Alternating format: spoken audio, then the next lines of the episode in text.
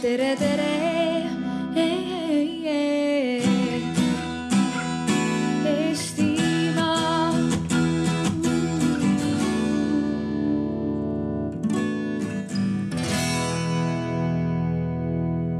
ja tere tulemast Hea kliima alale rääkima äh,, arutlema koos meiega bioenergeetikast.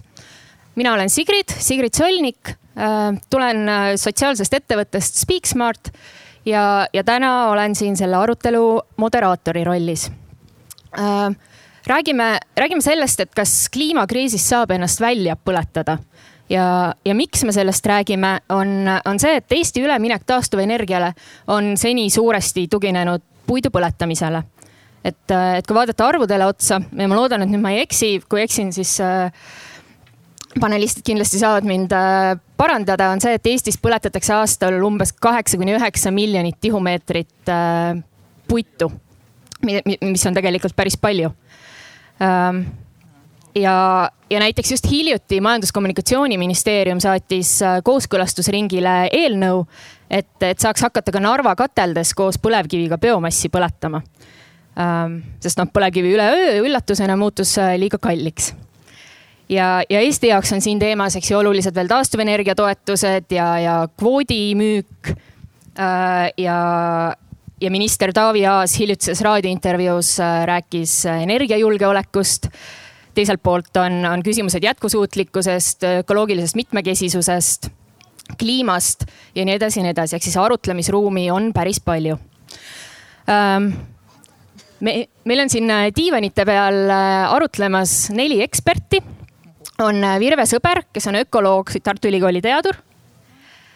on Liis Kuresoo, Eestimaa Looduse Fondi metsaekspert. on Kristel Järve, keskkonnaministeeriumi metsaosakonna juhataja ja on Kadri Aiaviik, MTÜ Ühinenud Metsaomanikud juhatuse esimees. Ja kuidas see arutelu kulgeb? põhimõtteliselt plaan on see, et arutelu kulgeb äh, head arutelu tava järgides, ehk siis äh, arvamused on argumenteeritud, põhjendatud, seletatud ja, ja kuulamine on, äh, on oluline. Ja, ja me räägime kolmes teemaplokis, me räägime alguses keskkonnast, siis räägime sotsiaalsetest mõjudest ja rahast ja lõpuks räägime lahendustest. Ja, ja publiku küsimused on äh, iga selle teemaploki järel, ehk siis ei ole küsimuste-vastuste voor ainult lõpus, vaid saab vahepeal ka küsida ja kaasa arvata. ja publiku küsimusteks on mul, äh, on mul siin selline mikrofon, ehk siis äh, selle ma viskan neile, kes tahavad küsida ja siis te saate omavahel seda üksteisele heita, nii-öelda. ja andke korra käega märku, kes olid siin ka eelmise arutelu ajal okei okay, äh,, enamus ikkagi ei olnud. et äh, me siin omavahel arutasime, et, et kes olid ja kes ei olnud. ja, ja hakkame siis pihta ähm,. me alustame niimoodi, et äh, mul on igale kõnelejale nii-öelda selline soojendav küsimus, soojendusküsimus, et saaks, et saaks hääle lahti rääkida. ja ma palun siis sellele küsimusele sihukest konkreetset ja mitte liiga lohisevat vastust. ja võib-olla ma alustan Kristeliga mm. -hmm.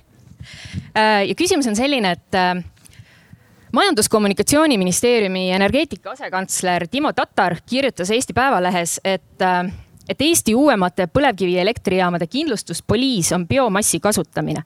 nii on võimalik tootmise CO2 heidet vähendada poole võrra. kuidas see keskkonnaministeeriumi metsaosakonna pilgu läbi paistab, et, et kas sa oled nõus või, või sul on siia midagi veel lisada, mingid, mingid vastuargumendid? Seal taga peaks ilmselt natukene selgitama seda loogikat, äh, kuidas see mõeldud on. Äh, sisuliselt äh, põlevkivitööstuse, põlevkivist elektrienergia tootmisel on meil väga suur süsinikuheide ja kogu põlevkivitööstus on väga saastav ja üldiselt on ka liiga ebaefektiivne ilmselt. Aga rahvusvaheliselt on nii kokku lepitud, et kui me põletame biomassi, siis äh, biomassi põletamisel süsinikuheide äh, on neutraalne. seda süsinikuheidet äh, loetakse sellel hetkel, kui see metsast ära viiakse, nii et see läheb arvestusse küll, aga ta läheb lihtsalt teise koha peal. nüüd see loogika seal taga, et äh, kui me vähendame põlevkivi kasutust poole võrra ja selle asemel võtame kasutusele siis äh, biomassi. ja see põhjus on selles, et süsinikuheite kvoodi hind on läinud kaks korda kõrgemaks. et selles mõttes on see väga arusaadav ja loogiline. üleüldiselt on meil see suundumus, et põlevkivitööstust võiks vähendada. Äh, me kindlasti pooldame seda, et seda vähendataks. nüüd ongi küsimus siis, mille arvelt. et kui me räägime biomassi põletamisest, siis tegelikult äh, selles tsitaadis ei tule ka välja, et nagu mida selle, millist osa biomassist me seal põletame ja kust see tuleb ja, ja kuidas me selle kogunud oleme ei olnud väga konkreetne vastus ilmselt. oli küll, aitäh Äh, nüüd ma pöördun äh, Liisi ja Virve poole, kellele mul noh, tegelikult küsimus on äh, üks. võime te, võime teha nii, et Liis alustab ja, ja siis Virve võib-olla täiendab. ja küsimus on see, et, et kas bioenergeetika on jätkusuutlik? no ma alustan, et äh, annan pika ja lohiseva vastuse, hoiatan ette me leppisime kokku, et ei tee aga aga ma tahaks äh, kõigepealt öelda seda, et see vastus ei ole nii lihtne, et äh, bioenergeetika on äh, väga lai mõiste ja ma arvan, et bioenergeetika alla mahub väga palju jätkusuutlikke praktikaid. aga kui me näeme, et et bioenergeetika võiks olla see lahendus, mis aitab meid välja kliimakriisist ja samal ajal ka elurikkuse kao kriisist. Ja me hakkame seda väga massiliselt kasutama, laialt subsideerima ja muudele lahendustele piisavalt tähelepanu ei pööra, siis see ei ole jätkusuutlik. Mhm, aitäh. mina lisaksin äh, seda, et äh, puidust bioenergia tootmine ei ole kindlasti kliimaprobleemide lahendusena jätkusuutlik eile tuli just välja IPCC uus raport, mis äh, äh, ütleb, et meil on mm,, äh, meil on jätkuvalt väga suured süsiniku emissioonid atmosfääri ja meil ei ole õnnestunud nii hästi mm, võib-olla kui plaanitud toime tulla nende küsimustega. eelmise aasta oktoobris tuli IPCC kliimaraport välja, mis ütles, et meil on kuskil Mm, kümme aastat aega, et pidurdada, piirata globaalne kliima soojenemine pooleteise kraadiga. nüüd, kui me, kui me bioenergiast räägime, mul on ka pikk ja lohisev vastus, ma ütlen kohe et, puidu põletamine on süsinikuneutraalne ainult paberil, et päriselt ta seda ei ole. sellel, miks ta paberil on süsinikuneutraalne, sellel on omad põhjused, aga aga üheks eelduseks on see, et et kui, et ühest küljest me põletame puidu ära ja süsinik vabaneb, aga teisest küljest kasvav mets seob selle nagu jälle, eks ju. nii, nüüd kui me tuletame meelde, et meil on kümme aastat aega, et, et piirata kliima soojenemist pooleteise kraadiga, siis me peame seda võrdlema metsa kasvukiirusega, mis on kindlasti pikem kui kümme aastat, et selleks, et kui me saaksime uuesti siduda selle süsiniku, mis metsa põlenemise, põlemisel on vabanenud, selleks läheb kümneid, kui mitte sadu aastat aega. ja meil lihtsalt, meil ei, samas on puidu põletamisel küllalt suured süsiniku emissioonid tegelikult no,. kogu see ühe hulga energia kohta suuremad näiteks kui naftal või kivisöel võivad olla. ja sellepärast meil lihtsalt ei ole seda aega mm. aitäh ja Kadri, ähm, kui ma, kui ma lugesin sellest teemast selleks aruteluks valmistudes, siis äh, siis sellest bioenergeetikast on, äh, on arvanud erinevad inimesed, on ju, on arvanud keskkonnakaitsjad, ametnikud, Eesti Energia töötajad, taastuvenergia äh, inimesed ja nii edasi, aga, aga ma ei ole näinud metsaomanike seisukohti, et äh, mida metsaomanikud arvavad? tere tulemast kõigile no kui nüüd nüüd arvate, et metsaomanikud oma kokkusaamistel arutavad põhilised kliimaprobleemide üle, siis eh, muidugi nii see päriselt ei ole. Eh, kahjuks on metsaomanikel või õnneks on neil hulka maisemad ja, ja maalähedasemad mured ja aruteluteemad. ma ei saaks nüüd öelda päriselt, et metsaomanikud nagu üldse ei kirjutaks ega, ega vastaks eh, Eesti Erametsaliit on ka andnud kaks aastat järjest välja parima meediakajastaja tunnustuse kahele inimesele ja ma tsiteeriksingi siin nüüd siin sellel aastal Peeter Grimmi saadud, kes sai selle tunnustuse sõnu, kes ütles nii, et kui vihma sajab, siis ma võin ju midagi kirjutada, aga kui ilm on ilus, siis ma olen metsas ja teen tööd. okei okay., aitäh ähm,. Lähme, räägime, räägime sellest keskkonna aspektist natuke edasi ähm, Äh, Virve, sa korra, sa, sa natukene nagu mainisid seda, et, et, et miks meil puiduenergiat äh, taastuvenergiana nagu arvestatakse, et, et kas sa oskad äh, võib-olla nagu äh, natuke rohkem lahti seletada, et, et, et miks täpselt see selline arusaam siis on või et, et kuidas noh kuidas, kust, kust see siis tuleb? et miks peetakse puidu põletamist mm, taastuv. miks ta on roheline just? taastuvaks energiaks. no ma arvan, et seal, ega ma ausalt öeldes ise ka imestan, aga ma arvan, et äh, see üks põhjusi on kindlasti see, et ähm, tegelikult mets kasvab tagasi küll. Äh, mingisuguse aja juhul, kui talle lastakse seda teha, eks ju. et ma eeldan, et see on, ühest küljest on see tulnud sealt. Äh, nüüd teisest küljest on see tulnud siis äh, mis seda süsinikuheidet puudutab just, siis on see tulnud äh, ÜRO kliimamuutuste mm, konventsiooni raamistikus kasutusel olevast äh, süsinikuheite raamatupidamisest nii-öelda. et selleks, et seda topeltarvestamist vältida, on raiel tekkivat heidet arvestatakse mm, siis hoopiski maakasutuse, maakasutuse muutuse ja metsanduses on see LULUCF-i sektor, see on nagu ühes kohas seal niimoodi energeetikasektoris seda ei arvestata.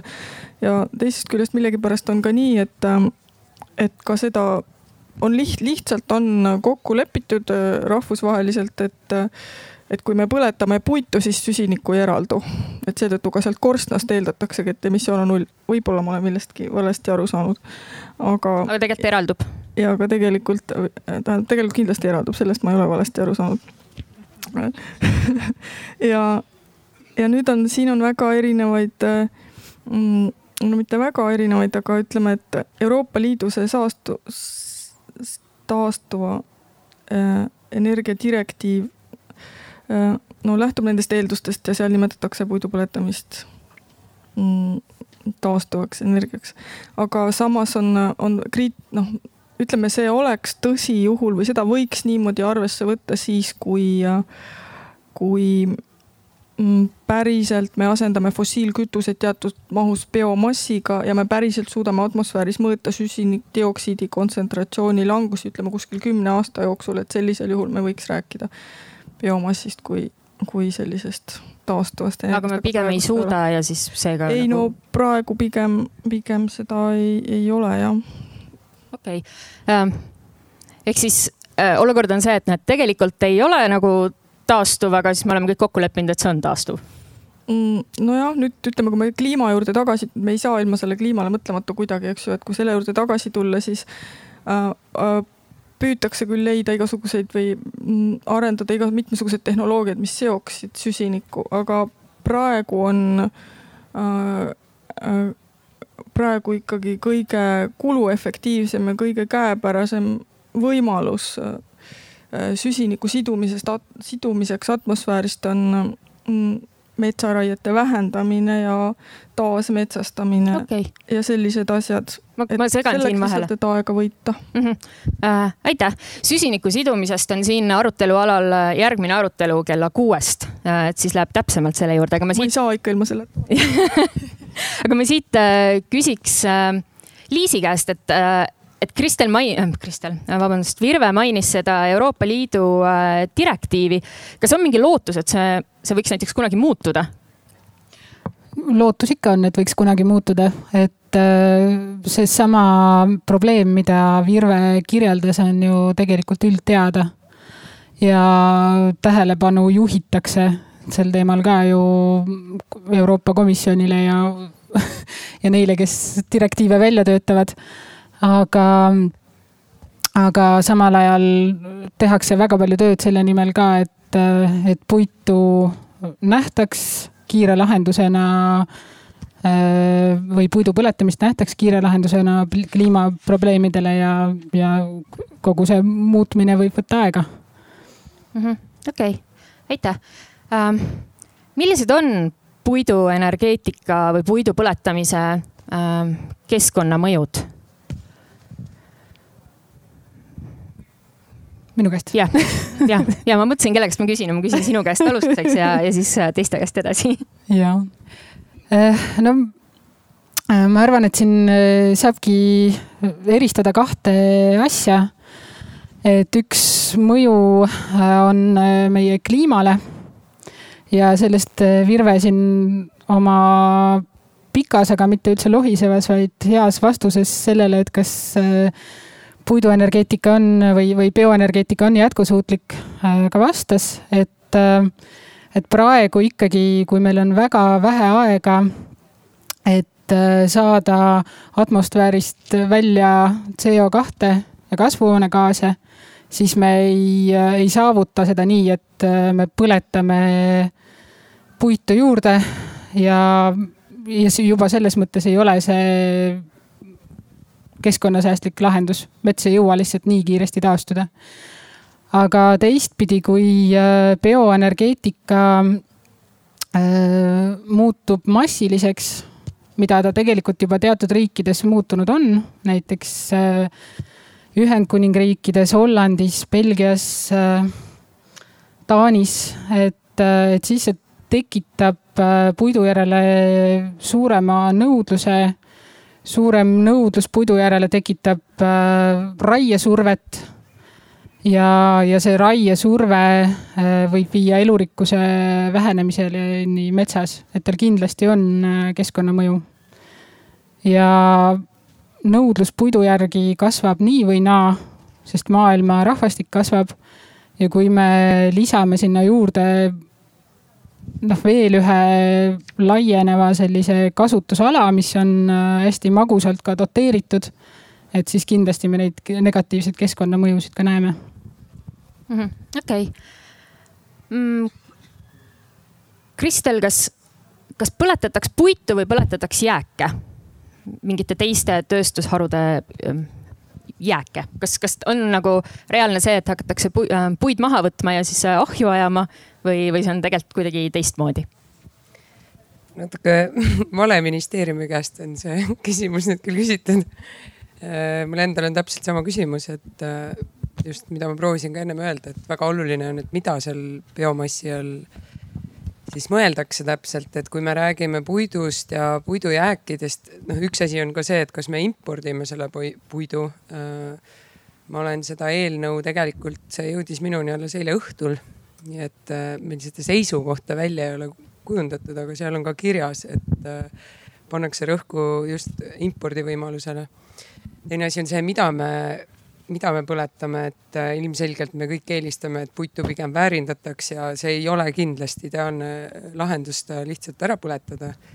Äh, samas äh, sellest süsinikuheitest oli ennem jutt, et kus seda arvestatakse ja topeltarvestus, tegelikult me, kui me raiume metsast, siis see süsinik läheb arvesse, ta läheb lihtsalt selle koha peal, mitte noh, see vabanemine läheb samamoodi arvesse, lihtsalt mitte põletamise juures mis tähendab seda, et kui me oleme, kui meil ikkagi on äh, puidutööstus ja me metsa raiume ja kui meil tekib seal selliseid jääke, millega me praegu võib-olla ei oska midagi teha, võib-olla me oskame tulevikus teha, et eelmises paneelis räägiti paljudest erinevatest võimalustest, kuidas puitu kasutusele võtta.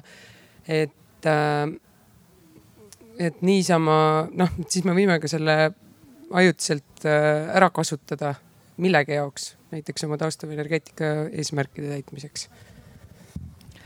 ma võib-olla no, võin natuke täpsustada seda vastust sellele küsimusele, et kui palju siis Eesti puitu põletatakse, et äh, mõnede arvude järgi või siin, eks ju, see on nagu riiklik statistika, et Eestis aastal kaks tuhat kuusteist ähm, põletati siis äh, energia saamiseks äh, umbes viis miljonit tihumeetrit viis miljonit tihumeetrit puitu ja lisaks äh, äh, põletatakse Eestist varutud puitu ka teistes, teistes riikides. ja aastal kaks tuhat seitseteist näiteks eksportis Eesti neli miljonit, neljast miljonist tihumeetrist puidust tehtud pelleteid, hakkepuitu ja muul kujul energeetikas kasutatavat puitu. ja nüüd, millest see koosneb, mis, mis, kas mis see siis on, mida, millest seda energiat toodetakse, et äh, umbes kolm pool miljonit tihumeetrit on äh,, mis energeetikasse tuleb, tuleb puidutööstuse jäätmetena. ja ülejäänu tuleb peamiselt raietest on ka päris mitu miljonit tihumeetrit. okei okay.. ma korraks kommenteerin, et ei jääks nagu sellist muljet, et puitu raiutaksegi ainult sellepärast, et kogu see sortiment, mis sealt siis tuleb, sabast kuni sarvedeni, see kõik ahju panna, eks ole. vaid puidu raiumisel tuleb alati noh, ütleme olenevalt nüüd puuliigist, aga ikkagi keskmiselt võib öelda kolm sortimenti. palk, paberipuu ja küte ja me räägime ikkagi selle kütte ja hakke, selle, selle ahju panemisest ja selle kütmisest, mitte, mitte nüüd kogu kogu selle väärindatava puidu, see, mida on Eestis võimalik väärindada, seda Eestis väärindatakse. aga paberipuud meil Eestis reeglina ei väärindata, välja arvatud haavapaberipuu mm. -hmm, väga hea, aitäh, see on äh selles hiljutises raadiointervjuus Taavi, minister Taavi Aas ka ütles, et noh, et majanduslikult ei ole mõttekas, on ju, äh, väärtuslikku puitu ahju ajada, et seda ei hakata tegema, et seal on see majandus. jah, ma arvan, et seda mõtet ei olegi kellelgi olnud ja seda saaks moonutada sellist asja ainult äh, tegelikult äh, mingisuguse toetusmehhanismid, eks ole, milleks kindlasti Eesti riigil ma ei usu, et saaks olla mingisuguseid eesmärke toetusmehhanismidega meenutada, moonutada seda, et ahju hakataks panema väärtuslikku puitu mm. -hmm. Liis korraks tahtsin öelda vahele, et, et ilmselt mitte Eesti riigil, aga Euroopa Liidu erinevatel riikidel on dotatsioonid bioenergia kasutamiseks või tootmiseks, mis tähendab ka seda, et, et surve Eesti metsadele võib olla sellest lähtuvalt suurem. ainult sellel põhjusel, kui meil ei lasta väärindada Eestis puitu.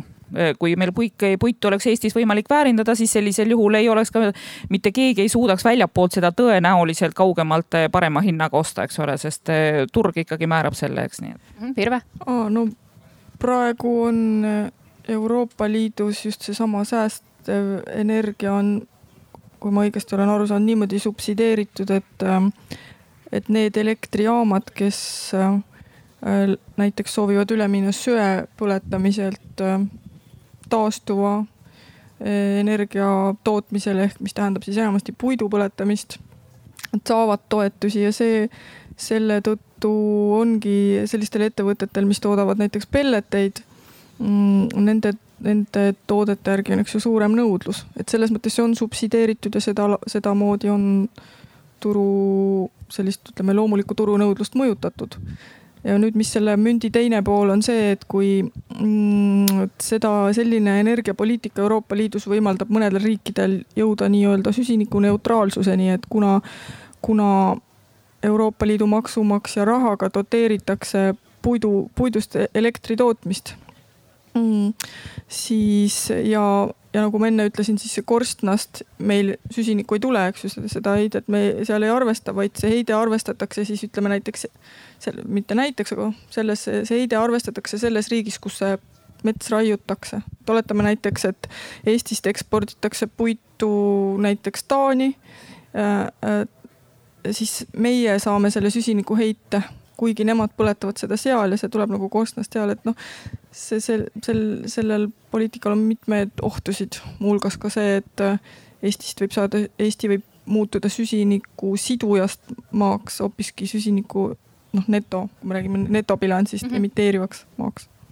okei okay. uh,, ma küsin seda, et uh, et siit käis läbi see, et, ähm, et äh, oleks ka tõenäoline, et Eesti hakkaks äh, seda nii-öelda äh, põletamise puitu importima, et kustkohast, millistest riikidest see võiks võiks siis tulla? Kristel, kas sa tead või, või kes teab? Ma arvan, mitte keegi ei tea okay., sellepärast et see kõik oleneb, see, see ei ole nagunii, et, et meie siin äh, saaksime neljakesi nõnda öelda, et sealt riigist hakkame tooma, eks ole mm. -hmm. vaid see oleneb ikka sellel, eks on nagu tollid ja, ja, ja võimekus ja turg kõigepealt, eks ole, mis, mis sellised asjad paika paneb, eks ole ausalt öelda, ega siin väga peale Venemaa ei ole kusagil seda puitu väga üle, eks ole, nii et ja ma ei näe, et me sealt väga midagi hirmsasti tooma hakkaks lähemal ajal mm. -hmm. või võib-olla keegi teab midagi muud Kristel? ma kommenteeriks pigem Virve seda, seda kommentaari omakorda, et, et teised riigid saavad oma taastuvenergia eesmärke täita, on ju, meil mm, -hmm. meil raiutud puidu arvel ja see süsinikuheide läheb arvesse meil. et see ongi nagu ka see mõte, et me pigem siis nagu, kui me selle süsinikuheite niikuinii siin oleme teinud, Eestis arvestame, et siis äh, tegelikult oleks hea, kui me selle arvelt siis täidaks oma taastuvenergia eesmärke, mitte ei laseks teistel täita Mm, natuke suurema pildi pealt vaadates, siis on veel oluline, ei ole mitte ainult äh, see, et äh, kas meie, äh, et kust täpselt see heide arvesse läheb, vaid oluline kliimapoliitika seisukohast on ka üldine emissioonide vähendamine. et kui me tõstame nagu neid asju ühest sahtlist teise ja kokkuvõttes me midagi ei muuda, siis ütleme, see koguheide jääb sama suureks, et selles mõttes ma ei ole nõus, et Äh, süsiniku äh, emissioone me sedasi vähendaksime. et siin on pigem võib-olla lahenduseks ikkagi minna põletamisvabale energeetikale, et liikuda nagu selles suunas. ehk ma pean silmas tuult, tuult ja, tuult ja. ja ma kindlasti toetan pigem tuule kasutamist, aga noh, mõte oligi selles, et kui me metsast raiume ja meil tuleb sealt osa sellist äh, puitu või puidujäätmeid või tuleb tööstusest neid jäätmeid, millega meil ei ole midagi muud teha, et siis oleks nagu mõistlik need ära kasutada. seda kindlasti. just veel kord kinnitades, et äh, sinna läheks ikkagi küttepuu ja hakkepuit, eks, mida, mida meil ei ole mujal kuskil sellises mahus kasutada, nagu teda mm -hmm. raiumisel tuleb äh,. Liis ja siis ma küsin. korra ütlen ka vahele seda, et ähm, et jah, sest selles mõttes ma olen väga nõus sellega, et, et see, mida me nagunii ei kasuta ja mis äh, tuleb välja või äh, nii või naa raielt välja või, või jääb üle, et seda kasutada bioenergeetikas ja ma arvan, et see on väga jätkusuutlik lahendus. probleem tekib siis, kui seesama materjal siis, mis, äh, mis on väheväärtuslik, kui see muutub nii väärtuslikuks või selle järgi on nii suur nõudlus, et see hakkab lõpuks kujundama seda, kui palju me siin metsa raiume, et siis tekib meil probleem. Äh, praegu on hästi raske hinnata, kas see juba toimub, kas, kas juba see on, äh, kas see nõudlus äh, energia puidu järgi meie raiemahte mõjutab või mitte, seda nagu on väga raske tõestada, aga, aga noh see võib äh, muutuda oluliseks äh, raie, raie siis, raiemahtude kasvatajaks ühest hetkest, kui see nõudlus on piisavalt suur. ja teine asi, mis ma tahtsin öelda, on see, et, äh, et noh, mida ka mina olen näinud ja kogenud, olles ka päris tihti metsas on see, et viimasel ajal ikkagi satub sinna äh, küttepuu hunnikusse surnud puitu, mis võib-olla vahel varem ei olnud nii atraktiivne metsast välja tuua. Äh, ma arvan, et äh, ka sellised metsad, mis võisid kunagi tunduda natuke mõttetud majandada, mingisugused vanad pärnikud näiteks või, või sellised metsad, mis äh, võiksid palju elurikkust kanda, äh, on nüüd leidnud äh, justkui oma turu, neile justkui on tekkinud mingi rahaline väärtus. et, et ma arvan, et see pigem see bioenergeetika laialdase leviku oht ongi just seal, et ta võib hakata seda suunama. ma korra küsin, mis see oht seal on? oht, et raiemahud kasvavad? ei, mitte see, et noh, et oht, et ähm, et, et metsad, mis varem ei olnud atraktiivsed, järsku on atraktiivsed? Äh, no tihti võivad need just ollagi näiteks mingisugused sellised äh, vanad nii-öelda üleküpsenud äh, lehtpuumetsad. noh, näiteks sama pärnik võib olla päris hea näide, sest ega seda pärna ei osata ju kuidagi väga enam tänapäeval väärindada, kuigi ta vanasti oli hästi oluline puu ja, ja see võib äh, peita endas hästi palju elurikkust. ja noh, siit me jõuamegi noh, järgmise hästi laia probleemini, mis Eesti metsanduses on, mis on äh, õnneks ka tänaseks kaardistatud metsanduse arengukava protsessis. ja on see, et me tegelikult väga hästi ei tea, mis äh, loodusväärtused meie metsades on, sest me ei ole neid väga palju kunagi uurinud. ja mina leian, et, et just selle bioenergeetika kasvu käigus võivad saada loodusväärtused pihta okei okay,, ehk siis oht on see, et, et kui hakatakse võtma maha metsi, mida, mille, mis, millel varem polnud nii-öelda väärtust, et, et siis seal lähevad kaduma ka nii-öelda kaardistamata ökoloogiliselt olulised äh, kooslused. just okei okay,, väga hea. Äh, Virve on siin järjekorras. Äh, ma tean, et sa tahad midagi kommenteerida, aga ma küsin siia juurde ka sellise küsimuse, et, et, et kui me rääkisime või kui, kui sa ka väitsid, et, äh, et et põletama hakata, põletama hakatakse ikkagi äh, teiste sektorite jääke ja, ja, ja noh, mitte nagu seda äh, kvaliteetset puitu, et minu küsimus on, et näiteks kui Eesti Energia hakkab suuremas mahus biomassi põletama, et, et kauaks neid jääke jätkub? See küsimus oli mulle. see on sulle mina tegelikult seda ei öelnud jääkide kohta, aga, aga, aga selles mõttes, et ma ei tea, kui kauaks neid jääke jätkab. siin eelmises paneelis räägiti ka kaskaadmeetodist, eks ole, et, et mis on noh, ütleme hästi lihtsalt öeldes, eks ole, et kõigepealt kasutad ära ikkagi kõige väärtuslikum osa ja, ja põletad lõpuks seda siis, mida, millega enam tõesti mitte midagi muud teha ei ole et, et selline alt ülesse siis, eks sellisega, et, et seda ju kunagi ei tea, kui meil puitehitiste osakaal tõuseb märgatavalt näiteks, siis kindlasti ka sellel asjal tekib ka kindlasti neid jääke ka tekib rohkem. kui meil puidu väärindamine, see eh, suureneb Eestis, siis kindlasti tekib meil ka jääke rohkem ja kui meil ehitatakse rohkem, kui meil majandus kasvab, siis kindlasti ka tekib puidujääke ja põletamisväärt jääke rohkem. nii et see, seda on väga raske prognoosida. aga ma tahtsin lihtsalt ennem kommenteerida selle kohta, et tegelikult, kui me räägime siin nagu Narva elektrijaamas põletamisest, siis see geograafiliselt asub Eesti ühes servas, eks ole. nii et mitte mingil juhul puhul ei ole atraktiivne raiuda pärnikut Pärnumaal, eks ole, ja vedada seda Narva. nii et ütleme, sellist tulu sealt mitte kuidagi ei ole oodata, eks ole, ja, ja kahe ja ütleme nii, et äh, siiski olles Eesti suurima metsaühistu juhatuse esimees, võin kinnitada, et nii rumalaid metsaomanikke ma ei ole näinud, kes tahaksid äh, sinna vedamisele peale maksta. Aga kas nendest Ida-Virumaa metsadest ähm, äh, kindlasti seal võib mõni pärnik olla, eks ole, aga ütleme protsentuaalselt noh, on need ohud on siiski minimaliseeritud selle geograafilise asukohaga seal ei saa väga palju neid kohti olla, mida ei ole, mis ei ole varem olnud atraktiivsed ja nüüd on, eks ole. loomulikult iga asi loeb, aga, aga see oht ikkagi protsentuaalselt ei saa olla väga suur mm. -hmm. Liis ometi viiakse meid pelleteid äh, Ühendkuningriikidesse, et noh, et kui me läheme Eestist välja, siis ikkagi need bioenergeetika ohud jäävad. see on juba väärindatud, selles, selles mõttes on ta juba väärindatud, ta on juba korra tükkideks näritud, siis uuesti kokku liimitud, eks ole, ja nüüd on ta atraktiivne äh, välja viia, eks, aga, aga, aga mitte selleks, et teda siin ja siin on ka, kus pelletitehased asuvad. Eks need, see on jälle geograafia Eestis paneb paika, küttepuud ei ole mõtet üle viiekümne kilomeetri vedada okei okay. um,. mulle tundub, et siin on võib-olla nagu nõuab ka ütleme siis äh, põhjapanevat mõju-uuringut on ju, enne kui, äh, kui hakata tegema um, ma küsin siia selle ploki, enne kui ma publikule hmm, sõna ja küsimisvõimaluse annan äh,. küsiks seda, et, et kui puidul on taastuvenergeetikas äh, nii suur roll ja, ja tähelepanu, et kas siin võib öelda, et teised taastuvenergia liigid jäävad äh, vaeslapse rolli?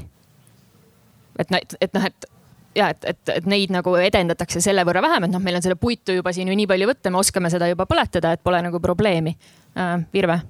ma ei tea väga täpselt, kuidas on need äh, poliitikad olnud ja kuhu on investeeringud läinud, aga, aga natuke ma olen kuulnud küll, et nii ongi, et kui näiteks, et Euroopa Liidu äh, energiapoliitika selles mõttes äh, on jah teinud kahte asja, et ühest küljest äh, surve tegelikult üle maailma äh, metsade raiemahtude kasvamisele on, on no, on suureneb ja teisest küljest on muude äh, energiatootmisviiside väljatöötamine jäänud mõnevõrra vaeslapse ossa et kuigi no võib-olla seda energiat siin Euroopas võib-olla kokkuvõttes väga palju vaja ei lähegi, aga praegu on juba teada, et näiteks mitmed Aasia riigid kavatsevad välja töötada sarnaseid äh, toetusskeeme säästva energia tootmiseks, nagu on Euroopa Liidus, mis on siis noh, suuresti puidu põletamisele orienteeritud.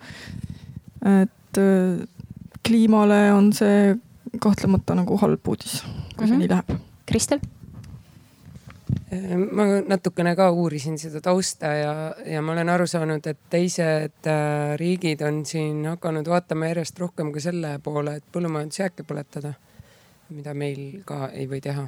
et äh, biomassi kasutuse äh, kaudu küll taastuvenergia eesmärke saavutada, aga lihtsalt, et leida neid teisi vahendeid ja võimalusi, kuidas sinna jõuda peale puidu ja muidugi nagu, mida meil ei ole tehtud, on seesama energiavõsa kasvatamine, et seda ju ka mujal ikka tehakse mm. -hmm. ma nüüd siin küsin, et äh, miks ei või põletada põllumajandusjääke ja miks meil energiavõsa ei ole? ma ei tea. kas keegi teab? Siim või Alex?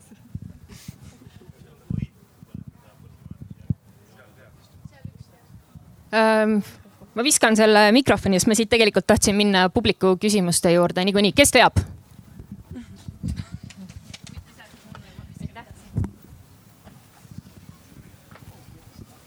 mis ma sellega teen?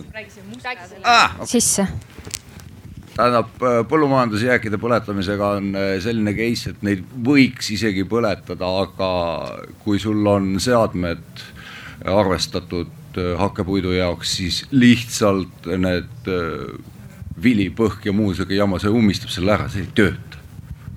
lihtsalt kütused on nii erinevad. okei okay,, ehk siis tehniline küsimus natuke. see, see on punkt üks mm -hmm.. okei okay. ähm,, Mari-Liis, kas sa aitad selle mikrofoniga veel? absoluutselt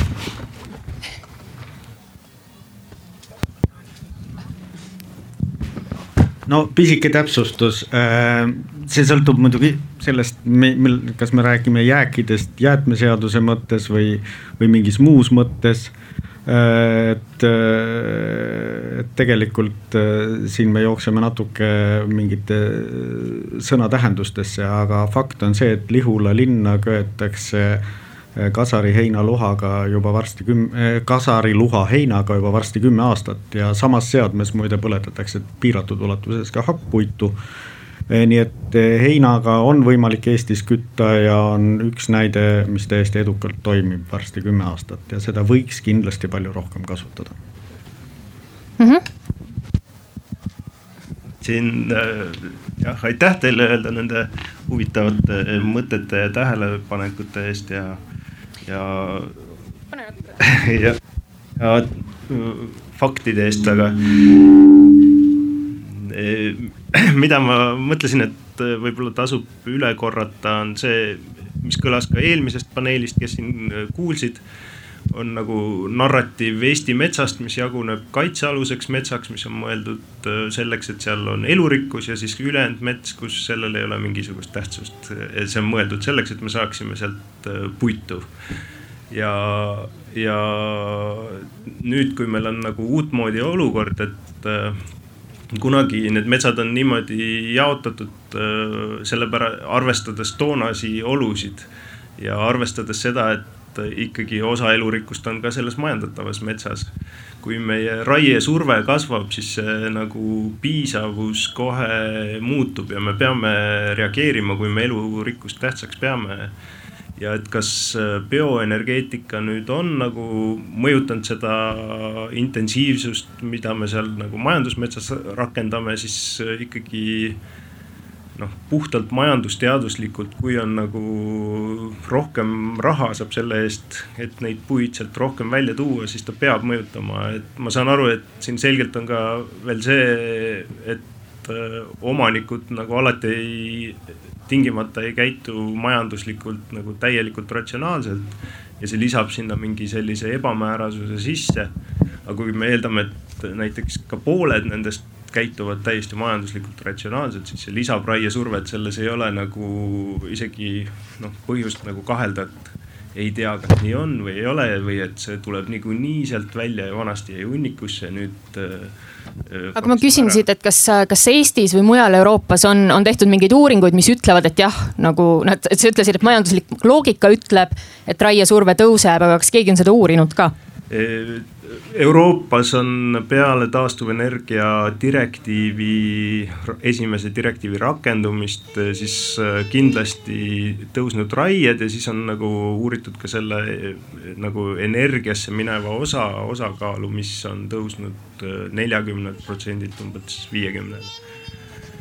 Et ja mida ma nagu teistpidi tahtsin öelda, et veel, et kui me Eestis meile tundub, et need on mingid ülemaailmsed nagu protsessid ja mida nad ka on, et mille keeristes niisugused asjad siin toimuvad, et korraga võib hästi palju puitu põletada ja hästi palju saadetakse seda kuskile mujale. et teistpidi no, Eestis me oleme ka, ka selle nähtuse täielikus epitsentris, see on, me oleme väga palju nagu ise loodame puidule oma taastuvenergeetikas ja me veel saadame teda teistesse riikidesse. mandril, kus see ongi väga suur asi ja ta ei ole globaalselt tingimata nii suur. ja mina küll arvaks, et, et noh, ühiskonnana me nagu peame neid asju täpselt teadma, sest me ei saa muidu tarku otsuseid teha selles vallas et me ei saa nagu lõputult niimoodi nagu noh, jääda ähmaseks, et ei tea, põletame neid, mingi ministri sõnavõtt oli, et hakkame põletama võsa, mis me, ma ei ole nendes maakasutuskategooriates iseenesest leidnud sihukest nähtust nagu võsa et, et kindlasti on meie asi siin need äh, nagu mõjud endale väga hästi selgeks teha mm -hmm. okay., ise adekvaatselt reageerida sellele. ja ehk siis nagu äh, mu etnoloogiaprofessor kunagi ütles, et uurimusruumi on, aga viska see kast sinna edasi aitäh, ma olen, oleks pidanud olema siin homme samal ajal, aga kuna ma tulin täna, siis ma võtaks korra sõna et ähm, küsimus on ise selline, et enne ei ole mõtet äh, arutada seda enesekindlat väljendust, et siis hakkame biomassi põletama. kui on arvutusi natukenegi tehtud, praegu räägivad äh, eriti meie Eesti Energia ehk siis äh, energiamonopoli inimesed iseenesestmõistetavusega, et kui me oleme lollist peast ehitanud näiteks Auvere jaama, mis tehti põlevkivi jaoks ja mitte ühte juttu kakskümmend viis aastat ei kuulatud, et ärge enam jurage selle põlevkiviga, sest see ei tasu ennast ära. siis nüüd hakkame sinna kütma ja see hullumaja rakendus ükskord praktiliselt, see oli siis kaks tuhat kuusteist, nagu ma arvan, kui, mis, mida see statistika ütles, et kõige rohkem. ja kõik olid nõus ja parlament hääletas jaa ja veeti ka kõik meie hagu siis nii-öelda sinna või võsa, ükskõik mis ta nimi on, või jäägid töötas, võeti Narva elektrijaamadesse, see, sellist sõgedust ei ole ükski teine riik muidugi teinud. sellepärast, et ähm, siin viiskümmend kilomeetrit oli see tasuvuse piir, see oleneb nafta hinnast ja kunagi oli see kolmkümmend kilomeetrit, eh, ma ei tea, mis ta praegu on. aga nafta hind on ja jääb kõikuma ja selle peale ehitada ei, üldse ei ole mõtet sellepärast tuleb see põlevkivi taaskord lihtsalt välja lülitada ja mitte unistada sellest, et me tegime Auvere ja nüüd on sinna kogu Eesti puidujäägid vaja seal ära põletada, et see ikkagi kestaks. see ei ole majanduslik mõtlemine uh. Mhm. -huh. tähendab, kunagi oli see majanduslik, kui meil oli vanamehi igas talus, kes tegid hagu. hagu on väga produktiivne, see võsa, mida ei, ei teadnud keegi just võsa raiutigi maha, sest ta kasvab paari aastaga asemele. see produktiivsus oli selle mõtteviisi taga ja tõepoolest karjamaa vajas puhastamist, et lehmad rohtu saaks ja nii edasi. enam neid vanamehi ei ole, kes viitsiks hagu teha ja nüüd käib kõik suure mürinaga ja, ja kui ei arvutata seda, mida see transport tähendab, Eesti ühte nurka kogu selle metsajääkide vedamine enne ei tohi mingit otsust teha mm, -hmm, aga okay. ma kardan, et see meie monopol pressib juba ette juba seda läbi mm. -hmm. Et... ma segan siin vahele. ja andke andeks, ma rohkem ei räägi. okei kas on veel äh,, seal taga on äh... mul on üks kommentaar jääkide suhtes, et me räägime jääkidest ja kui me mõtleme, mida see jääk tähendab, see jääk tähendab meile jääki, võib-olla meile ei ole kasulik aga just seesama elurikkus, kellelegi see on meile jääk, aga seal kasvab bakter, putukas ja nii edasi.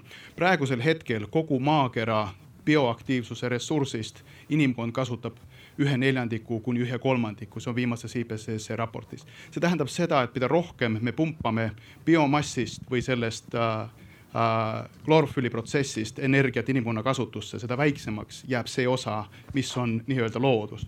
ja seda on ainult kaks kolmandikku järel veel.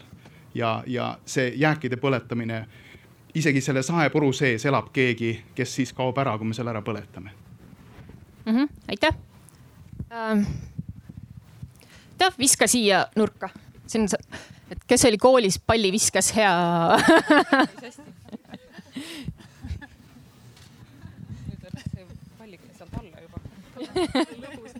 siin on üks, veel üks väike aspekt vaadata teiselt poolt.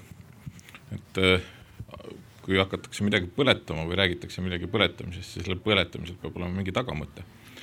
üldiselt tasuks nagu vaadata, et, et noh, kui palju või, või mida me, mille jaoks me kasutame üldse seda energiat, mis, mis me ahju ajame erinevates vormides. üldiselt ütleme, kui me väga, väga laias laastus võib öelda, et minimaalselt kaks kolmandikku sellest energiast, mis ahju aetakse Eestis äh, visatakse põhimõtteliselt otsekohe minema ilma kasutamata. see on, see on väga selline optimistlik tase.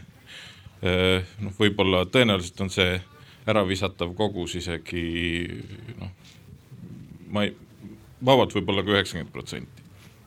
mis tähendab seda, et, et kui me praegu sellest ahju ajatavast energiast moodustab Eestis umbes noh, suurusjärgus viisteist protsenti puit siis praeguse hetke energia kulutamise struktuuri juures me ei saa mitte kuidagi puiduga, isegi kui me puidu osa kaks korda kasvatame või puidu mahtu kaks korda kasvatame, me ikkagi praeguse energiatootmisstruktuuri juures jääme umbes nii kolmveerandi ulatuses nälga.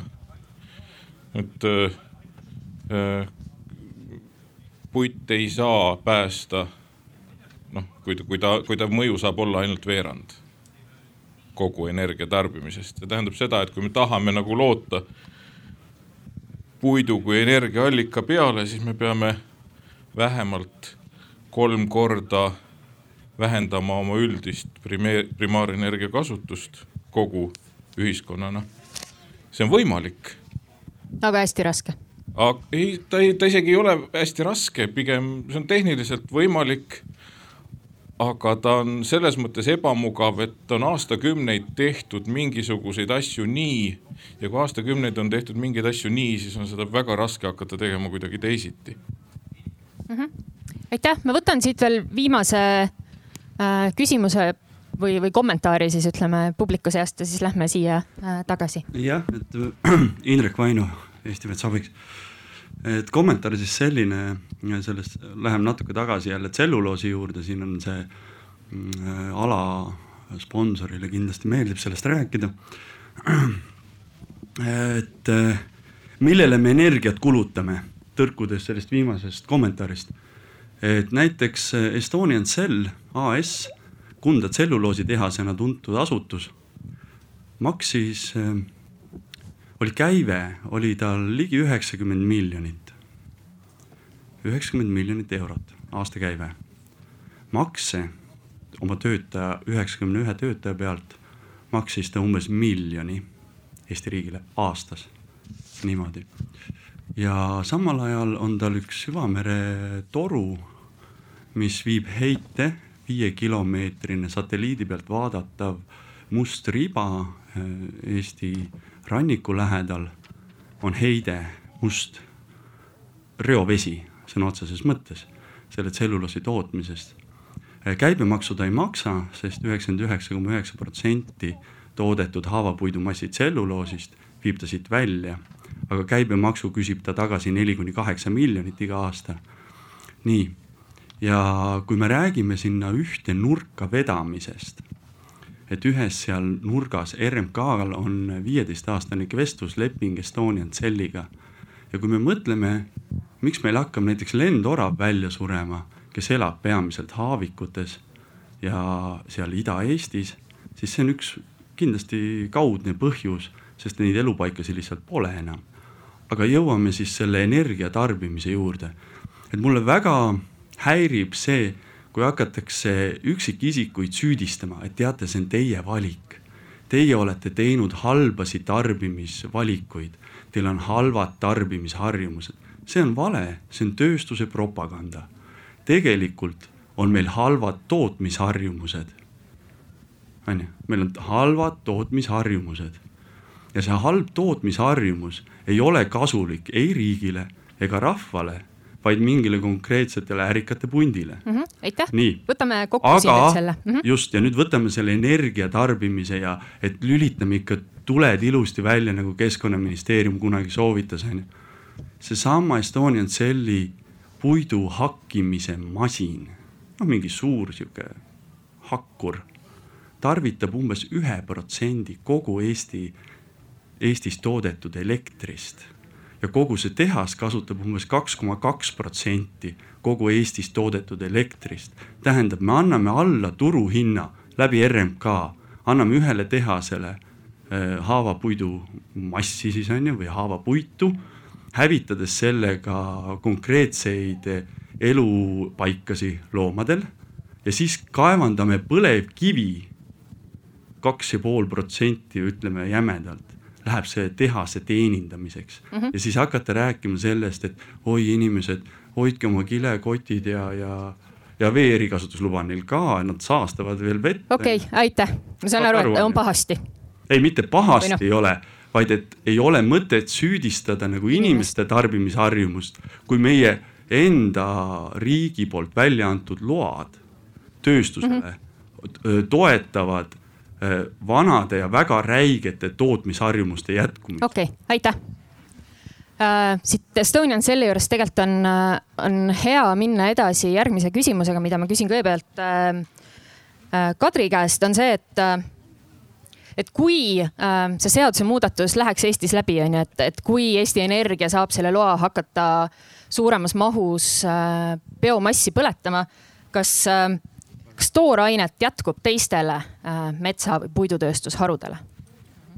No ma saan aru, et te ühtlasi oleme ka ennustuspaneeli sattunud, eks ole mm, -hmm. nii et eh, see on ka tore. mis sa arvad, kas võiks jätkuda jah, kas võiks jätkuda? sõnastame niimoodi. ma siis hakkan jälle sellest samast jutust peale, mida ma ennem ütlesin, eks ole, et puitu ei ole võimalik raiuda nõnda, et ainult ühte dimensiooni tuleb, kui need teised tootmisharud kasutavad palki, siis, eh, siis mina eeldan, et seda ei peaks ega ei tohiks ega ei tohiks ka toetustega mitte saada sinna Narvasse ahju panna ja järelikult see palk jääb neile ja neile jätkub seda ja kuna paberipuud jätkuvalt peale haavapaberipuu meil Eestis ei töödelda, siis järelikult ikka jätkuvalt teeme me õnnelikuks eh, oma naabreid üle riigi, üle vee, eks ole, ja, ja anname selle väärindamisvõimaluse neile ja selle tulu saamisvõimaluse neile.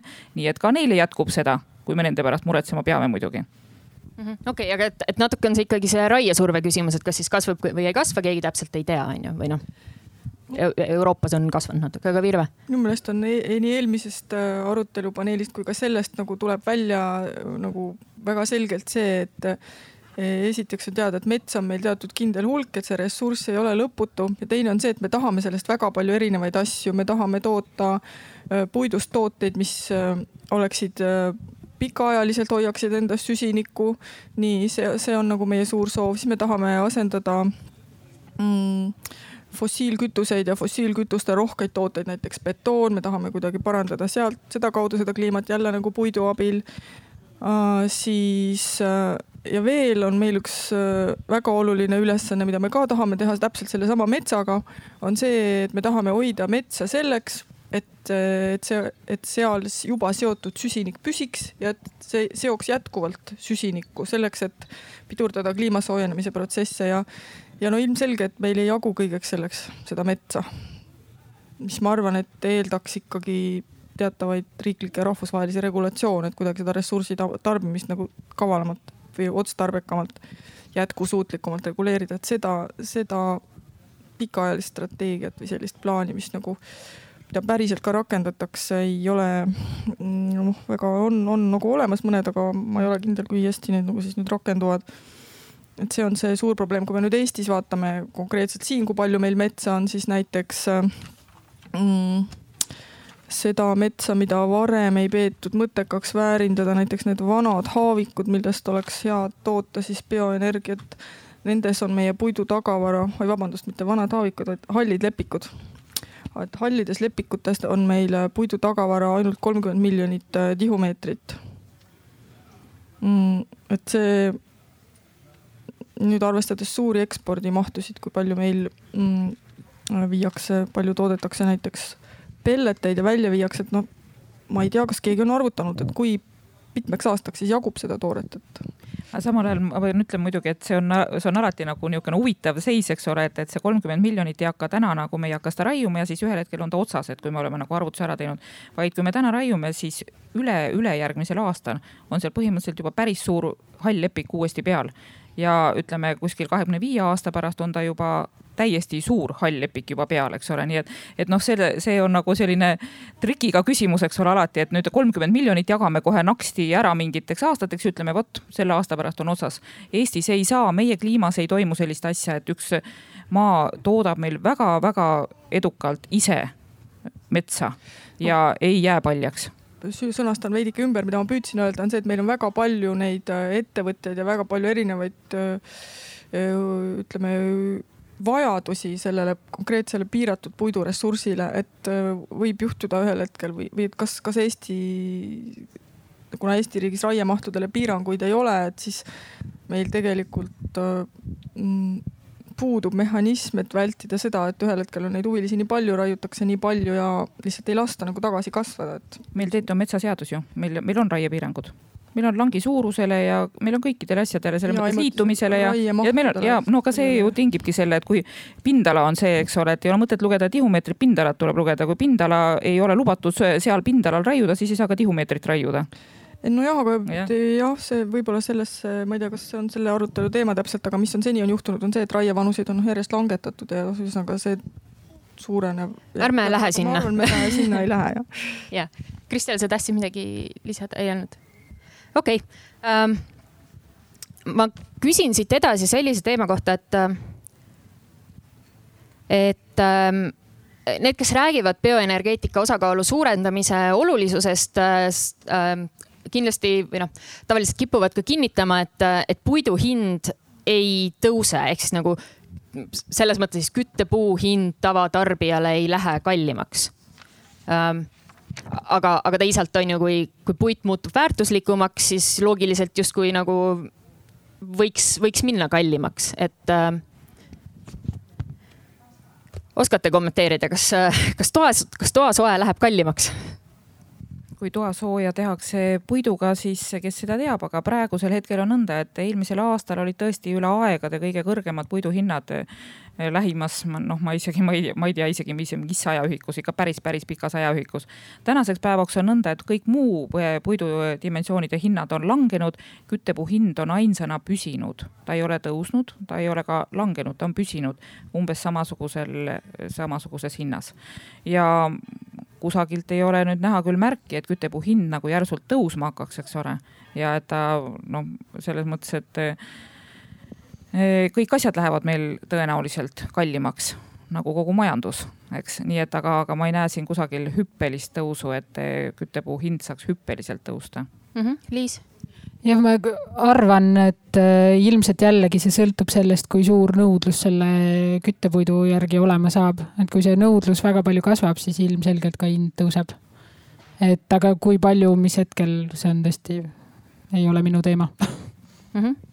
Ma küsin Kristeli käest uh,, ma liigun siit uh, natuke kapates edasi mõneti äh,, mõnikord tundub, et lemmikteema juurde energeetikas äh, energiajulgeolek et ähm, MKM-ile see väga meeldib, see teema tavaliselt ehm,. Äh, Taavi Aas on ju hiljutises intervjuus ütles, et äh, bioenergeetikal on äh, positiivne mõju Eesti energiajulgeolekule ähm,. mis, mis, mis sa arvad, kas on? see tõesti ei ole minu teema üldse, aga ma natuke kommenteerida proovin. väga hea. et äh, ma, kuna me oleme siin seda metsanduse arengukava kõvasti vedanud ja teinud, olen ma natukene lugenud ka globaalsete trendide kohta. mis toimub. selle käigus ennast harinud ka selles osas, et mida ma ei teadnud, et Eestis on, Eesti on kõige vähem sõltuv siis Euroopa või tal on kõige parem energiajulgeolek Euroopa Liidu riikidest. eks see on meil tänu põlevkivitööstusele. põlevkivitööstus on väga saastav tööstus Äh, nii kliima mõttes kui ma arvan, erinevat pidi. Äh, kui nüüd äh, võttagi see, et, et me tahaks nagu ikkagi, et meil edaspidi ka oleks energiasõltuvus väike, siis me peame lihtsalt leidma mingi muu mooduse, kuidas seda saavutada. Ja nagu ma proovisin ka ennem öelda, et see võib olla, noh, see ei ole ideaalne lahendus, kasutada biomassi Äh, ma loodan, et me saame liikuda sinnapoole, et me võtame paremaid vahendeid äh, rohkem kasutusele, aga ilmselt on see nagu ajutiselt see samm, mida me peame võib-olla tegema. lõpuks on see poliitiline otsus mm. -hmm. Liis, äh, mis sa arvad, kas bioenergeetikal on positiivne mõju energiajulgeolekule? Noh, jällegi nagu Kristel viitas, et see saab olla ainult ajutine, et äh, ja, ja ma ei kiida ka seda ajutist lahendust heaks aga pikaajaliselt kindlasti see ei taga energiajulgeolekut. et kui, kui me otsustame siis selle puidu äh, varuda Eestist, äh, millega me siis Eesti elektrijaamu toitma peaksime, siis äh, seda on ju ka sellesama metsanduse arengukava tarvis arvutatud, et, et sellist raiemahtu, nagu meil on täna me ei jaksa kuigi kaua üleval hoida ja juba see seab piirid sellele, kui palju me seda puitu kütta saame ja kui me selle puidu veame kuskilt sisse, siis, siis mis see energiajulgeolek lõpuks tähendab mm? -hmm. Väga hea äh,, aitäh. ja see energiajulgeolek on alati sihuke äh, huvitav teema nendes energeetika äh, aruteludes ähm, ma küsin nüüd ähm, äh, Kadri sinu käest, et äh, et ma lugesin ähm, äh, ühest artiklist seoses selle bioenergeetika teemaga, et, et, et need metsaomanikele see on hea, et siis äh, on, on parem võimalus või suurem võimalus müüa ka ebakvaliteetset puitu. Kas, kas praegu, praegu ei ole neid, seda kellelegi müüa? noh, just ennem natukene siin ütlesin, eks ole, et eh, küttepuu hind, eks eh, noh, kui me räägime ebakvaliteetsest, eh, ma ei tea, mida täpselt selles artiklis nüüd mõeldi selle ebakvaliteetse all, aga ütleme, räägime siis meie siin ikkagi energeetika mõttes ikkagi küttepuust ja, ja hakkest eks, mis siis tehakse latvadest, okstest ja, ja, ja tõesti siis võib-olla mingitest muudest sellistest mittekvaliteetsetest puuosadest, eks.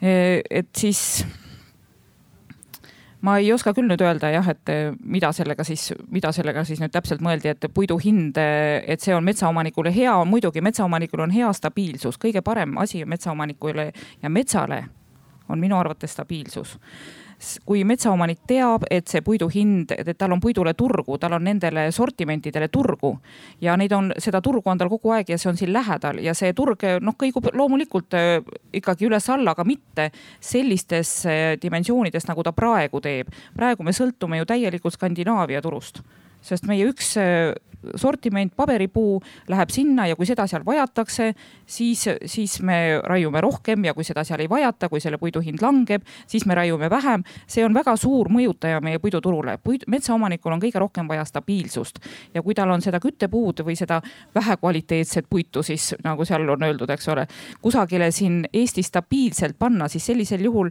ta ei pea seda raieotsust tegema ülepeakaela ega tormates, vaid ta saab seda teha planeerides ja pikalt planeerides, mida me kogu aeg soovitame üritame pikalt ette planeerida ja, aga ta teeb seda emotsiooni ajal ainult siis, kui ta kuulab naabrimees räägib, et nüüd on puidu hind nagu tõesti väga kõrge, nüüd peab kindlasti raiuma, eks mm. -hmm. Äh, ma vaatasin, et sa kirjutasid siin midagi, on sul äh, midagi lisada? Kasutan alati selliseid arvamusavaldusi ka kohaks, kust infot korjata, nii et ah, okay. ma teen endale märkmeid. okei okay., äh, ma küsin publiku käest kellelgi tekkinud mõni mõte, mida tahaks jagada või küsimus? siin äh, kas äh, raiemahtude või, või tooraine jätkumise ähm, või, või energiajulgeoleku kohta võib-olla?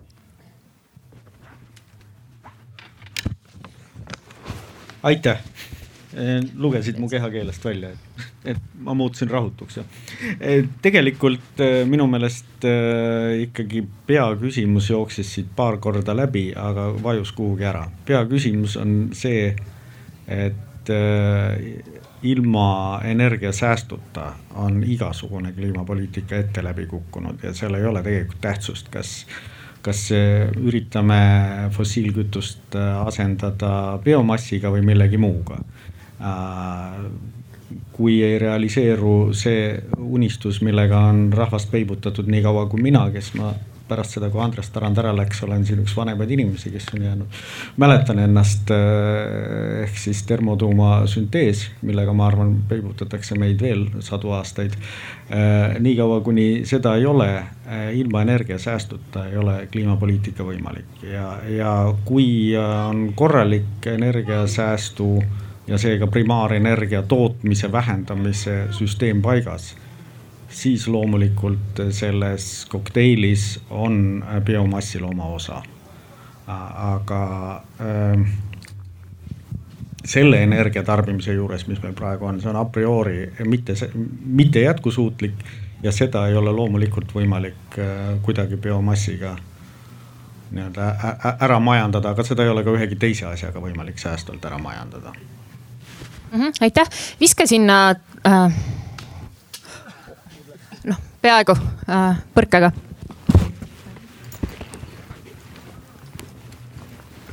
ma tahtsin paar sõna öelda selle tooraine kohta. et äh, kui peakski Eesti Energia hakkama Narvas täielikult äh, ainult hakkepuitu põletama, siis ülejäänud võivad äh, üsna suure tõenäosusega sellest oma suu kenasti puhtaks pühkida. Miks sa nii arvad? sellepärast, et esiteks nemad saavad pakkuda paremat hinda.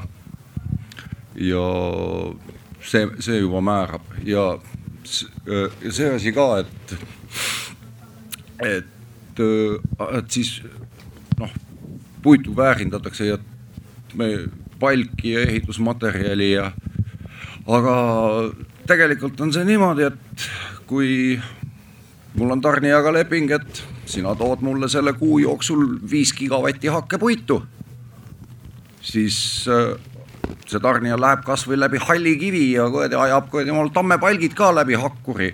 et ta mulle selle hakkepuidu õigeks ajaks saaks ja muidu on tal trahvid kaelas ja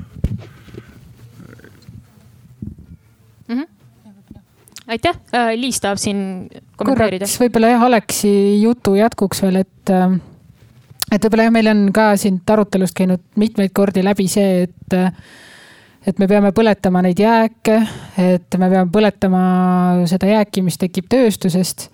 aga võib-olla hästi tähtis on selle juures rõhutada seda, noh, mis mul ka nagu Aleksi juttu kuulates äh, kohe välgatas, on ka see, et alati kõikide tarbimisotsuste juures kõige esimene äh, prioriteet on see, et jätta tarbimata.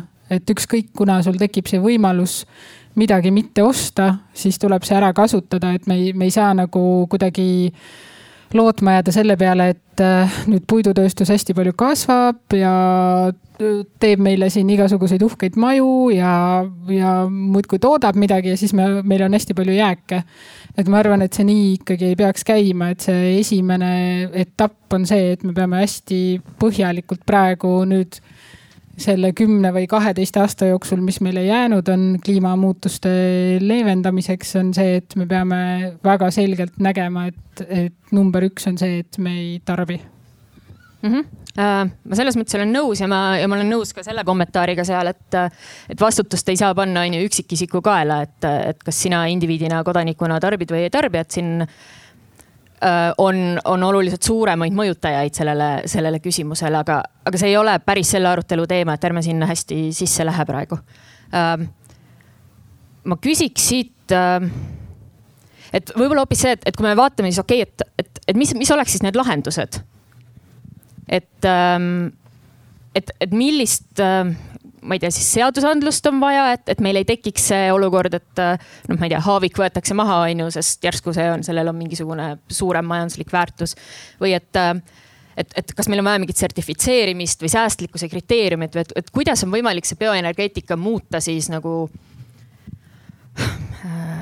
jätkusuutlikumaks või, või kuidas siis minimeerida seda, seda negatiivset keskkonnamõju, mis sellel on? Virve? no praegune, ükski praegu kehtivatest äh, sertifitseerimissüsteemidest ei arvesta seda süsiniku jälge, mis tekib puidu põletamisel. E, ja nii et selles mõttes isegi kui me paberil nimetame säästvaks metsamajanduseks, siis äh, see päriselt nii ei ole. nüüd, mis teha tuleks, kaks asja, et äh, biomassi mm, ei tohiks nimetada taastuvaks energiaks äh, taastuva energia direktiivis, mis Euroopa Liidus on äh, kasutatav. Äh, puidust tulevat biomassi pean silmas siis. ja teine asi on see, et heitmete raporteerimine Euroopa Liidu selles skeemis, see emissioonidega kauplemise skeem, emissions trading scheme, ma ei tea täpselt, kuidas see eesti keeles on ja see, seal tuleks see heitmete raporteerimine teha selliseks, et see näitaks mm, biomassi kasutamise tegelikku panust kliimamuutuste leevendamisse. ja miks seda teha tuleks, on ikkagi see, et meil on vaja hoida metsi äh, süsiniku, süsinikudepoona jätkuva sidujana just selleks, et meil, et me võidaks, et me kaupleks endale aega äh, enne kui kui kliima soojenemisega kaasnevad, ütleme sageli siuksed kumuleeruvat laadi protsessid äh, no teevad elu väga keeruliseks ja meil seda aega on meil veel kasutada. ega see mets üksi ka ei aita meil, isegi kui me jätame praegu enam midagi ei raiu ja jätame nagu metsa nagu on, sellest ei piisa, et kliimamuutuste mõjusid piisavalt leevendada, nii et selleks meil on vaja aega, et leida need lahendused ja selleks mm -hmm. on metsal oma roll. ma mõtlen, et, äh, et, äh, et Liis enne selle kohta ütles, et lootus, lootus säilib alati, aga, aga ma korra tulen tagasi, et kui realistlik see on, et, et piisavalt kiiresti need muutused läbi viiakse, sest mulle tundub, see olukord on selline noh, et mugav on ju niimoodi nagu, et, et saad siin nagu teha nägu, et sa oled nagu rohelisem riik, võib-olla kui sa tegelikult oled, et, et kas, kas siin on nagu realistlik, et mingi hetk toimub sihuke murrang natukene nagu Eestis seal põlevkividebatis on, on ju, et need, kes varem ütlesid, et ei, ei, põletame edasi, on nüüd hakanud ka rääkima, et noh, et tegelikult võib-olla ei ole hea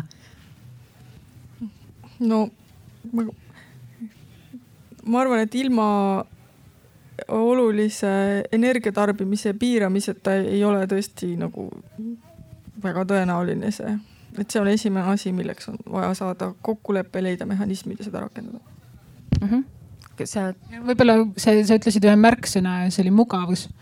et ma arvan, et see ongi see võtmesõna, et meil on hästi mugav praegu siin istuda ja kasutada seda energiat ja tarbida. aga tegelikult nüüd on aeg sellest mugavustsoonist välja tulla, et, et tegutsema hakata mm. -hmm. Ähm, Kadri, ma küsin sinu käest, et, et kui me räägime siin sertifitseerimisest ja mingitest säästlikkuse kriteeriumitest ja viisidest, kuidas, kuidas see ähm, bio, bioenergeetika nagu keskkonnasõbralikumaks või, või noh, nii-öelda paremaks ja rohelisemaks muuta, et, et milline mõju sellel oleks metsaomanikele, kas see muudab elu äh, keerulisemaks? Jah, ma lootsin ise vaikselt, et sertimise peale jutt ka läheb, eks ole, et äh, sellepärast, et Ühinenud Metsaomanikel on äh, isegi Baltimaades kõige suurem sertifitseeritud metsaomanike grupp. Meil on äh, grupp, FSC grupi sertifikaat ja, ja ühtlasi on meil ka metsaomanikke, kes kuuluvad Eesti Erametsaliidu BFC grupi sertifikaadi omanike gruppi nii et eh, omaniku jaoks eh, läheb ta muidugi mingil määral, eh, iga regulatsioon teeb tema elu mingil määral keerulisemaks selleks ongi mõeldud see grupisertifikaat, et elu ei oleks liiga keeruline, et tal oleks tahtmist ja huvi selles grupis osaleda. ja me püüame talle teha, talle nagu need regulatsioonid niivõrd võimalikult arusaadavaks ja niivõrd võimalikult lihtsaks, et ta, et ta teaks, mis ta, mis ta peaks tegema või, või kuidas ta peaks käituma. et see ei oleks talle liiga keerukas ja, ja sellepärast ta ei tahaks seal osaleda ehkki ma ütlen, et Eesti seadused on siiski päris head ja reguleerivad tegelikult ka päris hästi. meil ei ole väga palju selliseid asju, mida, mis lisanduvad sertifikaadiga, ehkki siiski, siiski lisanduvad. ja kui siin ennem oli natukene juttu Siimu sellest, et ta natuke modifitseeris eelmise ettekande kandjate sõnu et, et kakskümmend viis protsenti rangelt kaitstud alasid ja seitsekümmend viis protsenti majandusmetsi, kus võib teha kõike, siis tegelikult ei luba meil ka Eesti et seal kõike teha. rääkimata veel sertifitseeritud metsadest, kus jäetakse säilikpuid, seemnepuid, lamapuitu, kõike, kõike sellist, eks ole, mis tegelikult on omanik võtnud endale vabatahtlikult, nii et ka nendes majandusmetsades ei lammuta ei RMK ega erametsaomanikud nii nagu pähe tuleb, vaid, vaid see käib vastavalt seadustele ja vastavalt endale täiendavalt võetud kohustustele selle läbi sertifitseerimise ja see on siiski neil päris suur kohustus. seal on ka võetud täiendavalt kohustused kümne protsendi alade majandusest väljajätmisele, eks olenevalt sellest, kas seal on juba riiklik kaitse, olenemata sellest, kas seal on riiklik kaitse või see on vabatahtlik, nii et. et eh, need kohustused on päris suured, mida on vabatahtlikult võetud, nii et ma ei alahindaks siin sugugi indiviidi ja antud juhul siis erametsaomaniku panust sellesse, mille, kuidas tema soovib säästlikult metsi majandada. sest tegelikult ta ju soovib ka paremat ja helgemat tulevikku ja, ja ta on need eh, kohustused võtnud endale vabatahtlikult mm. -hmm. ma lihtsalt mõtlen, et äh, et noh, äh, erametsaomanikud, üks asi, kes aeg-ajalt ikka satub uudistesse, see, kus RMK võttis maha mingid metsad, mida nad ei oleks tohtinud maha võtta või, või midagi, midagi, et kuidagi ikka juhtub nagu. ei oska RMK tegemisi kommenteerida täpselt sama palju kui lehest loen, eks ole, siis ma loen, et, et on maha võetud mets ja siis ma loen ka järgmine kohe kommentaari, et Keskkonnaamet on sinna väljastanud metsateatise, eks ole, kes on riiklik institutsioon ja nii, et järelikult ei, ei saa ma nagu võtta seda, mis ma lehest loen nagu puhta tõena, eks ole, nii et, et seal on järelikult on kaks poolt asjal, eks nii et aga, aga jälle rääkides mastaabiefektist, eks ole, et kui tegelikult RMK haldab ju üle miljoni hektari metsamaad, siis selles jutus, juhuses ütleme, kui kolm asja juhtub, siis, siis see on tegelikult ikkagi väga-väga väike protsent, aga need võimenduvad kindlasti ka tilk tõrva meepotis rikub mee ära mm, -hmm. eks ole. okei okay. lihtsalt kordaksin üle, et mis kliimamõjusid puudutab, siis ükski nendest sertifitseerimismeetodist kasvuhoonegaaside emissiooni arvestab. nõus, äh, tahtsingi kinnitada ka seda, et, et see on tõesti õige, et äh, seda asja seal sertifikaadis, metsamajandamise ega tarneahela sertifikaadis arvestatud küll ei ole. see, siin ei saagi erametsaomanik ise midagi teha, ma arvan aga noh, ta saab ju, kui no kuna see algus on ju, hakkab ikkagi erametsaomaniku maast ja, ja metsast peale, siis tegelikult ta ju ikkagi saab teha, kui ta on selle alguse teinud nii, et see on keskkonnasõbralik ja, ja säästlik majandamine, siis sellisel juhul ma ütlen, et see on ikkagi jah ja.. muidugi mm. -hmm. Liis, sa tahtsid midagi? korra tahtsin tuua selle arutelu äh, võib-olla natuke kitsamaks ja Eestisse tagasi. et üks koht, äh, kus annaks seda lahendada, on tegelikult äh, valmiv metsanduse arengukava et äh, seal on äh, loetletud rida praegu Eesti metsade või, või metsandusega seotud probleeme. et kui arengukava leiab neile lahenduse, siis siin Eestis me oleme astunud, ma arvan, hästi suure sammu edasi, aga noh, selleks peab ta olema arengukava väga hea. ja siis äh,, vaatad Kristeli otsa no pressure. Ähm, kas ähm,. Siin on, siin oli juttu enne uuringutest on ju, et, et, et tegelikult ei tohiks teha ühtegi otsust ähm, selle bioenergeetika teemaga edasi minna, enne kui on nagu selge, et või et kui on nagu natukegi vaadatud, et mida see võiks tähendada Eestis raiemahule ja nii edasi ja nii edasi äh,. Kristel, ma küsin sinu käest, et et kui MKM selle seaduse muudatusega edasi läheb, et, et suurendada on ju seda biomassi põletamise osakaalu, et kas sinna on nagu tõenäoline, et keegi teeb ka mingi mõju-uuringu juurde või siis paneme umbes?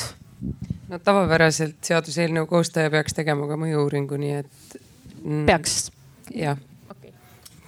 nii et ootame MKM-ilt seda uuringut. okei okay,, kas on mingi võimalus, et nad ei tee seda? ma ei oska seda kommenteerida. okei okay. um,. meil see aruteluaeg hakkab siin uh, äh, otsa lõppema, ma küsin, äh, ma annan siin viimase enne, enne lõpusõnu annan siin äh, veel võimaluse publikule äh, arvata või küsida või kommenteerida, kui, kui kellelgi on midagi öelda. tilluke remark elektri või energia säästmise kohta. kõik, kõik kiidavad, et hädasti oleks vaja säästa ja kokku hoida, aga samas kõik ehitavad õlgu, kui Elering kehtestab äh, mittetarbimise tasu.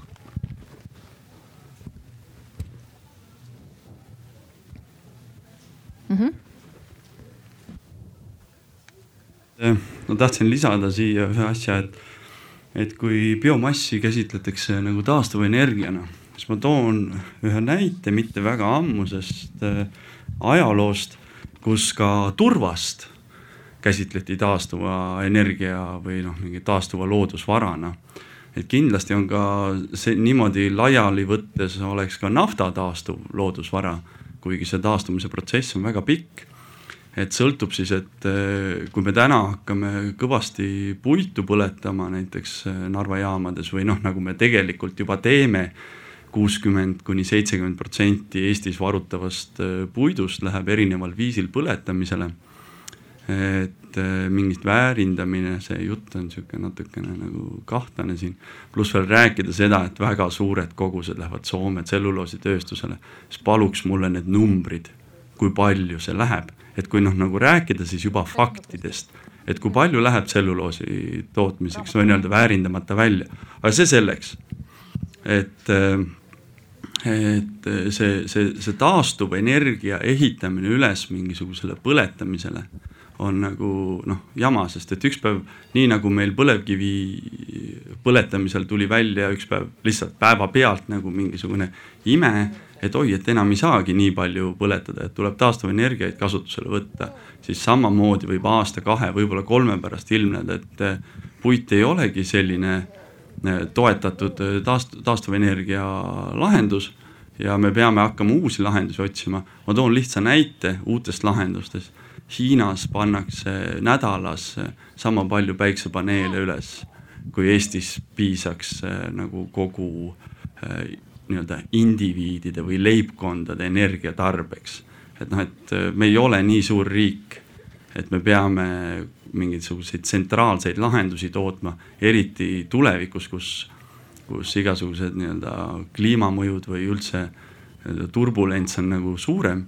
Et me võiksime vaadata autonoomsete lahenduste peale ja nende autonoomsete lahenduste või siis nagu indi-, indiviididele suunatud või väiksematele seltskonnadele suunatud lahenduste toetamisele, mitte toetada nagu suurtööstusi, ma ei tea, elektriaktsiisi vabastamisega või mingite muude lollustega mm. -hmm, aitäh.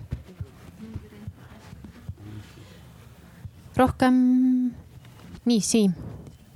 Jah, veel kord tänan teid selle hea arutelu eest ja tahtsin ka nagu oma sisetunde pealt kokkuvõtteks öelda, et äh, et võib-olla siiski bioenergeetikal on meie tulevikus ja kliimalahendustes mingi roll, aga mida nagu teie arutelust ja ka sellest arutelust, mis käib lehtedes ja koosolekutel ja nendes kohtades, et mis mulje jääb, et me peaksime noh palju täpsemaks minema selle asjaga, me peaks aru saama ikkagi, et millel, milline mõju on ja kas on soovitud või mitte soovitud ja ära hoidma need nagu negatiivsed mõjud ja, ja siis kasu lõikama sellest, kus see tõesti on mõttekas ja hea ja, ja ma arvan, et seal on üks keskne küsimus on see, et kui palju puitu me üldse loodusest ära toome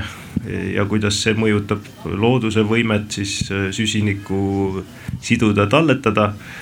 Ja, ja teine pool on siis jah, et kui efektiivselt me seda kasutame, kui palju me sellest nagu energiat kätte saame ja et kui me nende eh, kahe asjaga nagu täpsemalt tegeleme, et siis võib-olla on mingisugusel bioenergeetikal ka mingisugune roll meie tulevikus ja, ja, ja ka positiivne efekt selle kliimamuutuste vastu seismisel, aga aga me peame olema hoolikad, täpsed ja, ja, ja sisulised selles asjas mm. -hmm. aitäh selle väga ilusa kokkuvõtte eest, aga ma ei anna seda viimast sõna sulle äh,. ma annan selle viimase sõna ikkagi siia äh, ja, ja küsin äh, küsin kõigepealt Kristeli käest, et, et milline, milline oleks see lahendus, mida, mida metsaosakond või, või noh, sina siis äh, Äh, metsaosakonna tegelikult ju eksperdina tahaksid, äh, tahaksid näha selles bioenergeetika teemas, et, et kuidas see, noh jah, et kuidas see võiks olla, mis see lahendus võiks olla? keeruliselt küsid jälle, eks ma räägin ikka keskkonnaministeeriumi nimel tavaliselt mitte enda ähm.. Aga jah otseselt selle eelnõu juures, nagu ma ütlesin, meil ei ole tegelikult seisukohta kujundatud ähm,. kui me räägime kitsalt sellest, et, et meil ikkagi näiteks, kui meil on vaja biomassi kasutada, siis kuidas seda võimaldada no selge on see, et äh, see maht, mida meie mets on võimeline andma nii, et äh, me ikka jätkusuutlikult majandaks ja, ja, ja raiemaht ei, ei hävitaks meie metsi. Ähm, noh, see, see on see, millest kõik hakkab pihta. aga võib-olla on olemas ka ikkagi mingisuguseid selliseid sünergilisi lahendusi, mis äh, sobivad nagu mitmele osapoolele, mitte ainult ühele et tegelikult meil on metsanduse arengukava arutelude juures olnud äh, ka vähe tähelepanu saanud minu arust äh, võimalus äh, kasvatada energiavõsa, aga me ei räägi seda, kasvatada seda metsamaal, vaid kasvatada seda sellistes kohtades, millel ei ole muud paremat kasutust. näiteks liinialused metsad, et või metsamaa, liinialune, see ei olegi metsamaa, liinialune maa kui te olete käinud äh, ja vaadanud, siis äh, noh, see on ikka päris suur ala, mis tegelikult on äh, seal metsade vahel, kust liinid läbi jooksevad, kuhu, kuhu ei saa metsa peale kasvatada. või siis äh, äh, võib-olla ka väheväärtuslikul põllumaal näiteks, sest et ma kujutan ette, et looduslikus mõistes on energiavõsa veidi väärtuslikum ehk kui iga-aastane põllu kündmine et äh, võib-olla on mingisuguseid selliseid lahendusi, aga no seda peab uurima, mis Eestile sobib, kas meil on äh, sellist puuliiki, mis sobib energiavõsa kasvatamiseks, sest et võõrpuuliiki ilmselt me ka väga kasvatama ei taha hakata mm. -hmm. aitäh, Kadri, mis oleks äh, metsaomanikele hea lahendus? Metsaomanikel on hea lahendus stabiilsus, nagu ma siin enne ütlesin, aga ma viskan õhku tegelikult üldse mõtte, et me oleme kuidagi väga piiratud kinni oma selles raiemahus ja selles, eks ole, minu arvates peaks raiuma kordades rohkem. me peaksime tegema nagu kõik selleks, et tegelikult meil oleks võimalus raiuda rohkem. me peaksime oma metsi majandama ja hooldusraieid tegema nagu selleks, et meil oleks sealt äh, rohkem puitu ka välja tuleks, eks ole. nii et, et selles mõttes ja meil oleme endale seadnud terve hulga piiranguid, nagu näiteks metsade väetamise keelamine, eks ole, mida näiteks Soomes tehakse ja me oleme terve hulga selliseid asju endale välja mõelnud, mida me teha ei tohiks, eks ole. ja me räägime kogu aeg selles võtmes, et me ei tohi ja me peame piirama, me peame vähem, eks ole, nõnda, aga, aga me ei mõtle selleks, et kui, kui meil on seda biomassi vaja, kui meil, kui meil on metsade, metsadest saadavat puitu vaja, kui puit on tulevikust siis kuidas me selle tuleviku saaksime mm? -hmm. aitäh, Virve. selleks, et meil ähm,. et mis see lahendus siis on? selleks, et meil seda tulevikku üldse oleks elamisväärsena, selleks äh, on meil ikkagi metsa ka vaja maa peal ja Eestis siinhulgas, et, et, äh, et metsad, ma kordan täna, ma arvan juba päris mitmendat korda, et on väga olulised süsiniku äh, neelajad ja süsiniku hoidjad ja ja kui nendes olev äh, süsinikuvaru vallandada, siis äh, kliima ehk siis nad raiuda, siis kliima muutub veelgi ebastabiilsemaks. Ja kui mõni mõtleb, et noh, mis vahet pole, soojeneb poolteist kraadi keskmine maatemperatuur või soojeneb kaks kraadi, see on ainult pool kraadi, so what, siis tegelikult on modelleerimistega näidatud, et kui meil ütleme pooleteise kraadise soojenemisega võrreldes preindustriaalse ajaga näiteks on ekstreemsete kliimasündmuste sagedus kasvanud ütleme kümme korda, siis selle järgmise poole kraadiga kasvab veel kümme korda ja on väga suur vahe, kas on õudne põud kord kümne aasta jooksul, nagu praegu on tulnud paljudesse kohtadesse või see on iga aasta. et siin on tõesti see iga kraadikümnendik on väga oluline. nüüd, kui Eesti juurde tagasi tulla, siis meil on kindlasti vaja kehtestada raiemahud, mis arvestaksid metsa süsinikuvaru ja sidumisvõimega. Ja teine asi, mis teha äh, meil oleks, ega Euroopa Liit ei keela, et Eesti võiks teha, iga Euroopa Liidu liikmesriik võiks välja töötada siseriiklikud säästlikkuse kriteeriumid selleks, et kuidas arvestada puidu põletamist nagu taastuvenergiana, et mingi roll, mingi roll jääb sellele sellisel bioenergeetikal alati, see on selge ja puitu alati jäädakse põletama, see on ka selge, eks küsimus selles, millises mahus seda teha.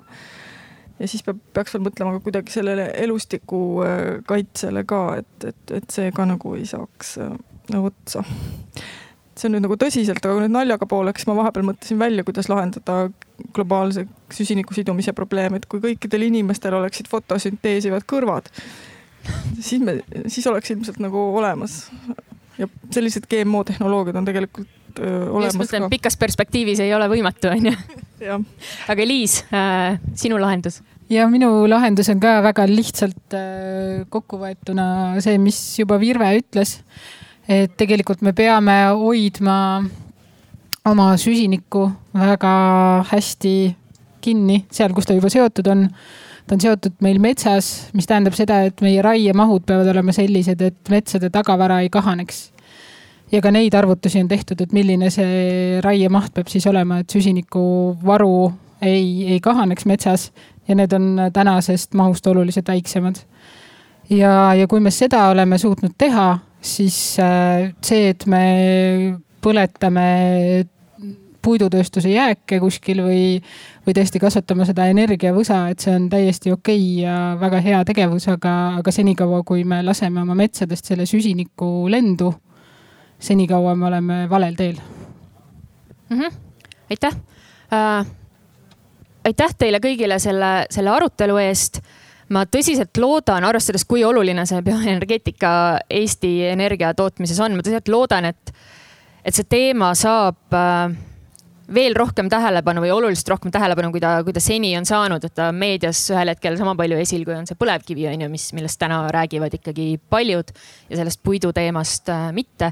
ja ma arvan, et mida see arutelu näitas, on see, et, et meie rääkisime ikkagi suhteliselt üldisel tasandil on ju, et see kõikide küsimuste juures oleks võinud minna hästi-hästi detaili äh, mida me täna teha ei saanud selle juures, et, et siin nagu seda arutlemis arutlemisruumi on ja noh, uurimisruumi on ka väga palju, et mina omalt poolt tõsiselt loodan, et, et keegi teeb äh, seal MKM-is ka mõne asjaliku mõju-uuringu sellele äh, seaduseelnõule kaasa, et äh,, et, et, et tuleks nagu parem lahendus, kui, kui siis, kui see, kui see, kui seda mõju-uuringut võib-olla ei oleks olnud. aitäh teile, aitäh teile, kes te kuulasite, kaasa mõtlesite ja arvasite ja ja, ja järgmine arutelu siis süsinikuringlusest äh, oluliselt äh, spetsiifilisem ja detailsem. et soovitan kindlasti kuulata nii, tere, kas te kuulete? ja kuulete, ma ise kuulen ennast küll. enne kui te siit jooksujalu järgmisele arutelule lähete, siis mina olen Eestimaa Looduse Fondist ja meil koos teiste keskkonnaühendustega tekkis just selline uus rahvaalgatus, millele me ootame allkirju see on, et Eesti kliimaneutraalseks aastaks kaks tuhat kolmkümmend viis ja siin on võimalik ka selle algatusega tutvuda ja sellele ka allkirju anda, et, et see eh, läheb sinna üles ja allkirjade leht eh, on ka siinsamas seal ja minu, minu juurde võib ka tulla ja alg-, rahvaalgatuse lehelt ka siis lisainfot selle kohta saada. nii et allkirjastage ja lugege. aitäh